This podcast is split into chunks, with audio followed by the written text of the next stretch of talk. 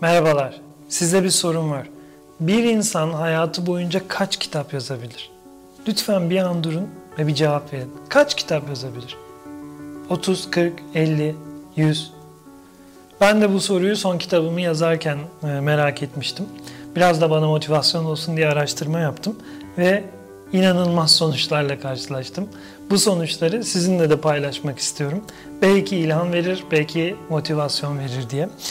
Ee, Stephen King'in zaten çok fazla kitabı olduğunu biliyordum. Ee, biliyorsunuz Esaretin Bedeli ve Yeşil Yol gibi kitapları filme çevrildi ve tüm dünyaca tanınıyor.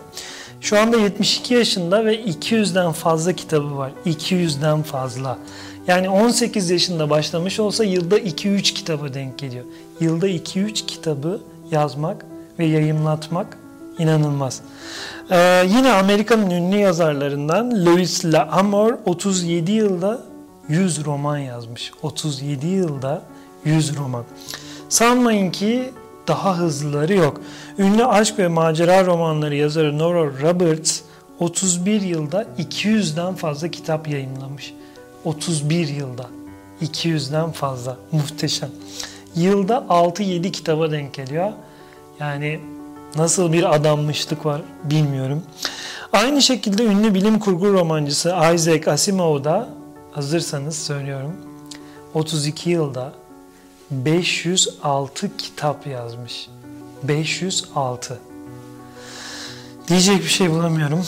İngiliz gizem yazarı John Creasy birkaç farklı takma adla yazılmış 41 yılda 600 roman yayımlamış.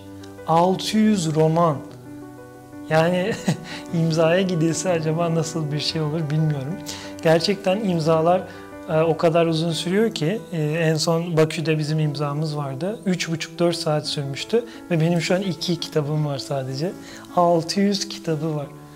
Yani ve son rakama geldik, son kişiye geldik. Romantizm yazarı Barbara Cartland 75 yıllık kariyerine 722 roman sığdırdı. İnanılmaz. Sadece 1983 yılında 23 tane romanı çıkmış. Sadece 1983 yılında bir yıl içinde 23 roman.